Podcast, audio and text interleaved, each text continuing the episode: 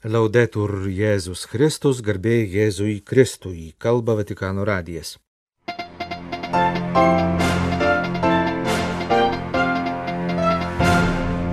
Popiežiaus bendroji audiencija - katechezė ir malda už stichinių nelaimių aukas. Popiežiaus pasiuntinys kardinolas Zupi pradėjo misiją Kinijoje. Šveicarijoje paskelbta ataskaita apie lytinį išnaudojimą bažnyčios aplinkoje.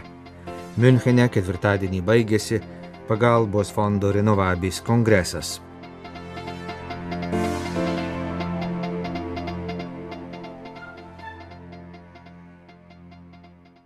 precisamente in Venezuela, per conoscere la figura di un laico.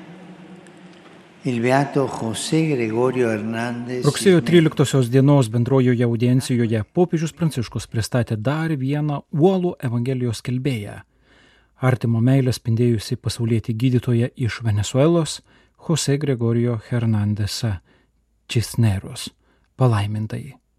Kaip yra sakęs pats 1864 metais gydytojas, priminė popiežius, jo pirmoji tikėjimo mokytoja buvo motina, nuo pat lopšio mokiusi darybių, padėjusi aukti Dievo pažinime ir meilėje. Tikėjimas dažnai perdodamas dialektu, motinos dialektu, pridūrė šventasis tėvas. Anot jo, Dievo ir artimo meilė iš tiesų kaip žvaigždė vedė visą Jose Gregorijo, geraširdžio ir saulėto charakterio žmogaus, gydytojo, profesoriaus ir mokslininko egzistenciją. Neatsitiktinai savo krašte jis buvo vadinamas vargšų gydytoju. Vietoj iš pinigų sudarytų turtų jis pirmenybę teikė Evangelijos turtams ir paskyrė savo gyvenimą padėti vargstantiesiems.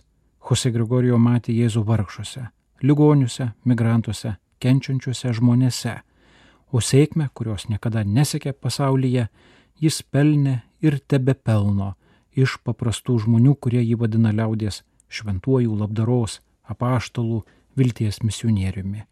Tai iš tiesų puikus titulai. Jose Gregorijo tęsė, popiežius Pranciškus buvo kuklus ir malonus žmogus, visada pasirengęs padėti. Savo viduje lipsnojo troškimo tarnauti Dievui ir artimui. Pastumėta šio troškimo keletą kartų mėgino tačiau dėl sveikatos problemų negalėjo tapti vienuoliu ar kunigu. Vis dėlto trapi sveikata netapo priežastimi užsidaryti savyje. Priešingai skatino jį pasidaryti dar jautresniu kito poreikiams - gydytojų, pasitikėti apvaizdą ir ištyrinta dvasia siekti esmingiausių dalykų. Štai apaštališkasis uolumas. Jis nesivadovauja savo lūkesčiais, bet yra atviras Dievo sumanimams. Tai leido palaimintajam suprasti, kad Dievo valią jis įgyvendins rūpindamasis ligoniais, padėdamas kenčiantiesiems, suteikdamas viltį vargšams, liudydamas tikėjimą ne žodžiais, bet pavyzdžių. Taip jis ėmė suvokti pačią mediciną kaip kunigystę, žmogaus kančios kunigystę. Kalbėjo popiežius ir pridūrė, jog labai svarbu nepriimti dalykų pasyviai, bet viską daryti iš širdies ir dėl viešpaties, kaip moko šventasis raštas. Tačiau paklauskime, iš kur Jose Gregorijo sėmėsi tokio entuzijazmo, tokio apaštalinio uolumo, iš tikrumo ir stiprybės. Tikrumas buvo Dievo malonė. Jis rašė, kad jei pasaulyje yra gerų ir blogų žmonių, Tai blogų yra todėl, kad jie patys tapo blogi, o geri yra tokie tik su Dievo pagalba. Pasak popiežiaus pranciškaus, gydytojas jautė, kad visų pirma jam pačiam, tarsi išmaldos, reikia Dievo malonės. Štai iš kur ir jo stiprybė - iš buvimo arti Dievo, iš buvimo su Dievu. Jis buvo maldos žmogus, kasdien dalyvaudavo mišiuose su Jėzumi, kuris atiduoda save ant altoriaus už visus, ir Jose Grigorijo jautėsi pašauktas aukoti savo gyvenimą už tai, kad tuo metu, kai Europoje vyko pirmasis pasaulinis karas. 1919 birželio 29-ąją Jose Gregorijo aplankė draugas ir rado jį labai laimingą. Jis buvo išgirdęs naujieną, kad pasirašyta sutartis dėl karo pabaigos. Jose Grigorijo auka buvo primta ir jis tarsi pajutė, kad jo užduotis žemėje yra baigta. Ta rytą, kaip įprasta, jis buvo mišiuose, po to išėjo laukan atnešti vaistų ligoniui. Tačiau einantį per gatvę jį partrenkė automobilis. Nuvištas į ligoninę, mirė tardamas Dievo motinos vardą. Taip baigėsi jo žemiškoji kelionė gatvėje, darant gailestingumo darbą ir ligoninėje, kurioje jis kūrė gerumo šedevrą. Broliai, seserys, šio liudytojo akivaizdoje paklauskime savęs, o kaip aš elgiuosi atsidūręs priešais Jėzų, esanti greta manęs esančiuose vargšuose, šalia tų, kurie pasaulyje kenčia labiausiai, klausė šventasis tėvas. Palaimintasis Jose Grigorijo nuo jo skatina įsipareigoti didiesiems šiandienos socialiniams, ekonominiams ir politiniams klausimams. Daug kas apie juos kalba, taip pat kritikuoja ir sako, kad viskas eina blogyn, o krikščionis yra pašauktas ne tam. Jis pašauktas šios klausimus spręsti ir susitepti rankas sprendžiant. Pirmiausia, kaip mus ragina šventasis Paulius - melstis. Po to neplepėti, bet skleisti gėrį, kurti taiką ir teisingumą tiesoje. Ir tai yra apaštališkasis uolumas bei Evangelijos skelbimas. Tai yra krikščioniškasis palaiminimas - palaiminti taikdariai.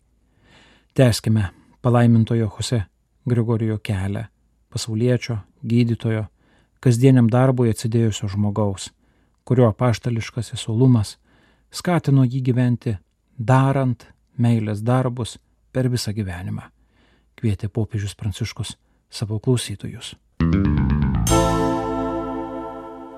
Rugsėjo 13 dienos bendrojoje audiencijoje popiežius kaip įprasta atkreipė piligrimų Šventojo Petro aikštėje ir girdinčiųjų jį per nutolinės komunikacijos priemonės dėmesį į gamtinių nelaimių sukrestą Šiaurės Afrikos regioną ir į Ukrainą.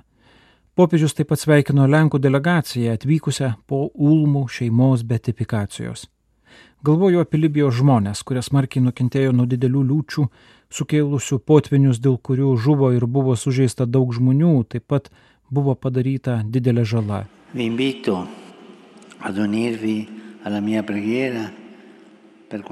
Kviečiu jūs prisijungti prie mano maldos už žuvusiuosius, jų šeimas ir tuos, kurie neteko namų.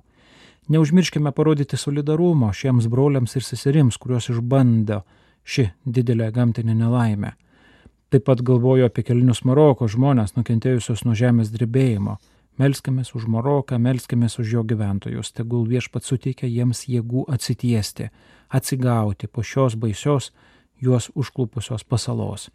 Kalbėjo Pranciškus.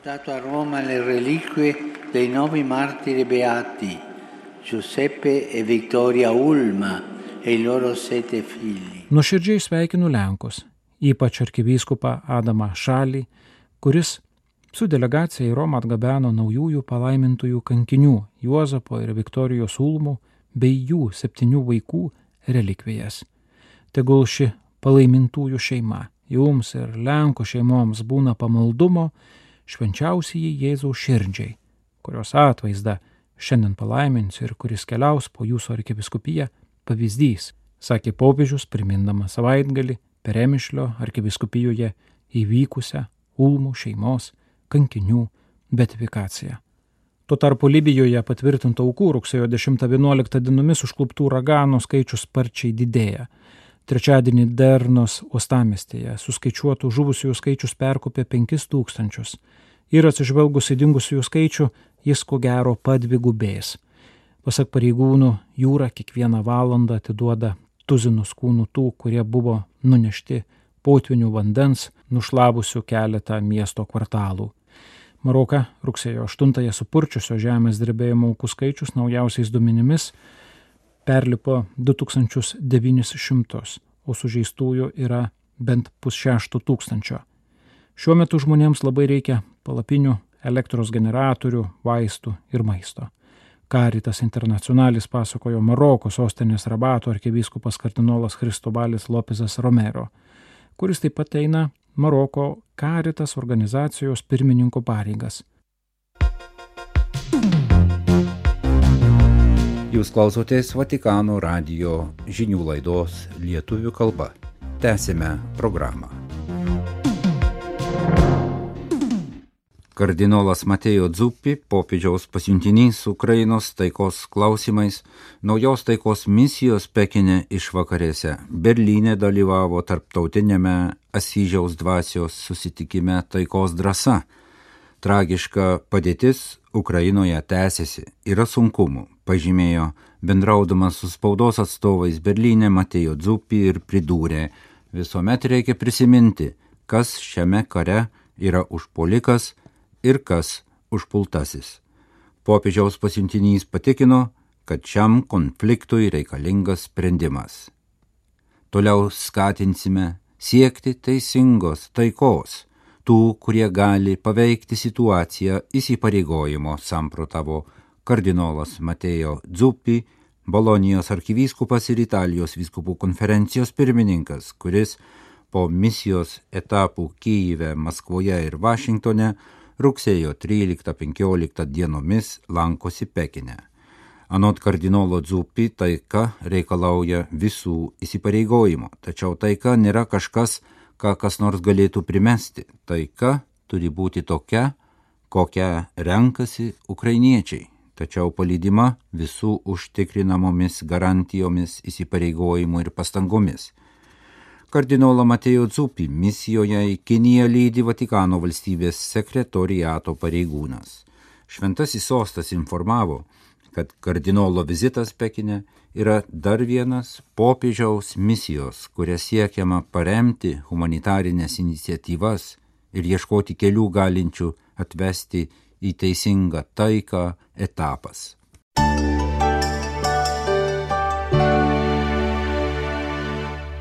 Šveicarijoje antradienį buvo paskelbti seksualinio išnaudojimo katalikų bažnyčios aplinkoje nuo 20-ojo amžiaus vidurio preliminaraus tyrimo rezultatai. Metus trukusį tyrimą atliko Ciuricho universitetas. Buvo nustatyta 510 nusikaltusiųjų ir 921 nukentėjusysis. Po preliminarios ataskaitos paskelbimo tyrimas bus tęsiamas. Atlikto tyrimo duomenimis 56 procentai nukentėjusiųjų buvo berniukai arba vyrai, absoliuti dauguma kaltinamųjų buvo vyrai. 74 procentai atvejų buvo susiję su kaltinimais dėl nepilnamečių išnaudojimo. 14 procentų atvejų buvo susiję su suaugusiųjų išnaudojimu. Kitais atvejais surasta informacija apie praeitie keltus kaltinimus yra netiksli ir nukentėjusiųjų amžius nenurodomas. Tyrime taip pat pabrėžiama, kad bažnyčios teismų nuteisti kaltieji dažniausiai būdavo baudžiami švelniomis bausmėmis, o neretai tyrimai užbaigti nenubaudžiant kaltinamojo. Požiūris į šių nusikaltimų rimtumą ir atitinkamai bausmių griežtumas ėmė keistis nuo 21-ojo amžiaus pradžios, kai visos bažnyčios mastu pradėta rimtai reaguoti į seksualinio išnaudojimo reiškinio keliamą papiktinimą ir kai Šveicarijos viskupų konferencija išleido gairias dėl seksualinio išnaudojimo atvejų nagrinėjimo bei prevencijos ir įsteigė viskupų ekspertų komisijas, kurios turi nagrinėti pranešimus apie lytinio išnaudojimo atvejus. Vis dėlto ataskaitoje pastebima, kad ir toliau kai kur dar trūksta aiškių procedūrų, o kai kuriais atvejais jų įgyvendinti nepavyksta.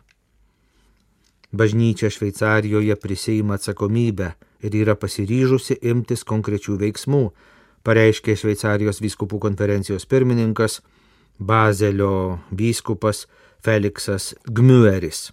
Antradienį paskelbus tyrimo rezultatus. Už kiekvieno skaičiaus slypi žmogus, veidas, gyvenimas, kuris buvo sužalotas, sakė vyskupas. Šveicarijos vyskupų konferencijos nariai supranta šią kančią, taip pat ir bažnyčios atsakomybę. Vyskupai padarys viską, kas žmogiškai įmanoma, kad užtikrintų teisingumą aukoms ir užkirstų kelią seksualiniam išnaudojimui ateityje.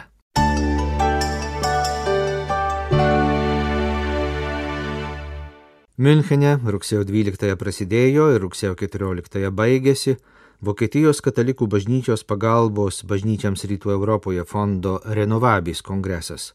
Šiemetinio kongreso tema - laisvė, apie kurią galvoju.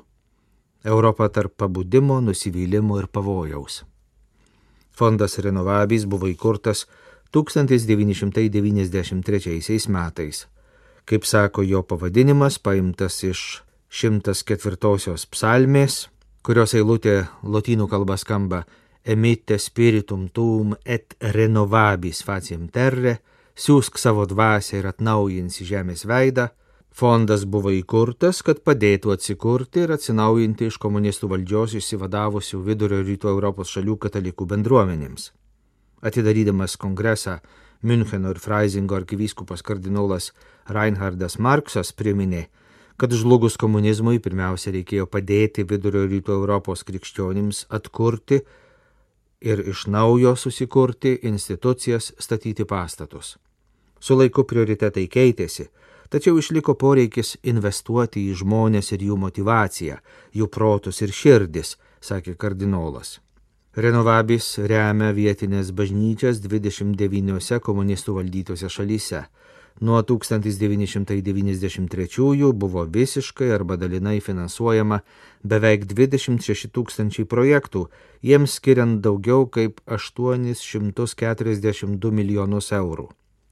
Lėšos gaunamos iš rinkliavų visoje Vokietijoje, taip pat iš aukų ir Vokietijos vyriausybės dotacijų. 2022 metais užfiksuota didžiausia per visą veiklos istoriją surinktų lėšų suma 14 milijonų 900 tūkstančių eurų. Šiuo metu Renovabis daugiausia dėmesio skiria Ukrainai.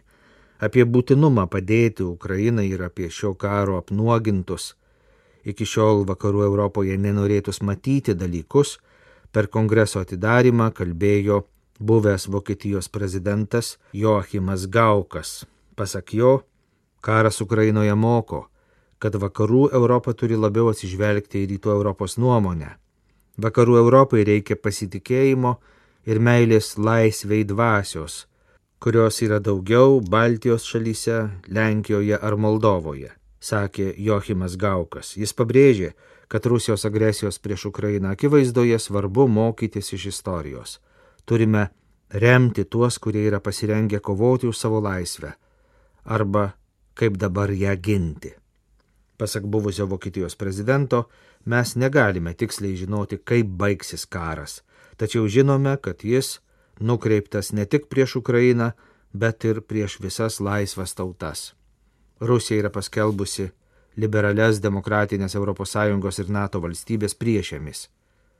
Kremliaus karo tikslas nebūtinai fizinis sunaikinimas, bet mūsų strateginių pajėgumų, mūsų valios ir mūsų vertybių naikinimas pažymėjo buvęs Vokietijos prezidentas, atkreipdamas dėmesį ir į Rusijos vykdomą karą nekariniais veiksmais - dezinformacija, propaganda.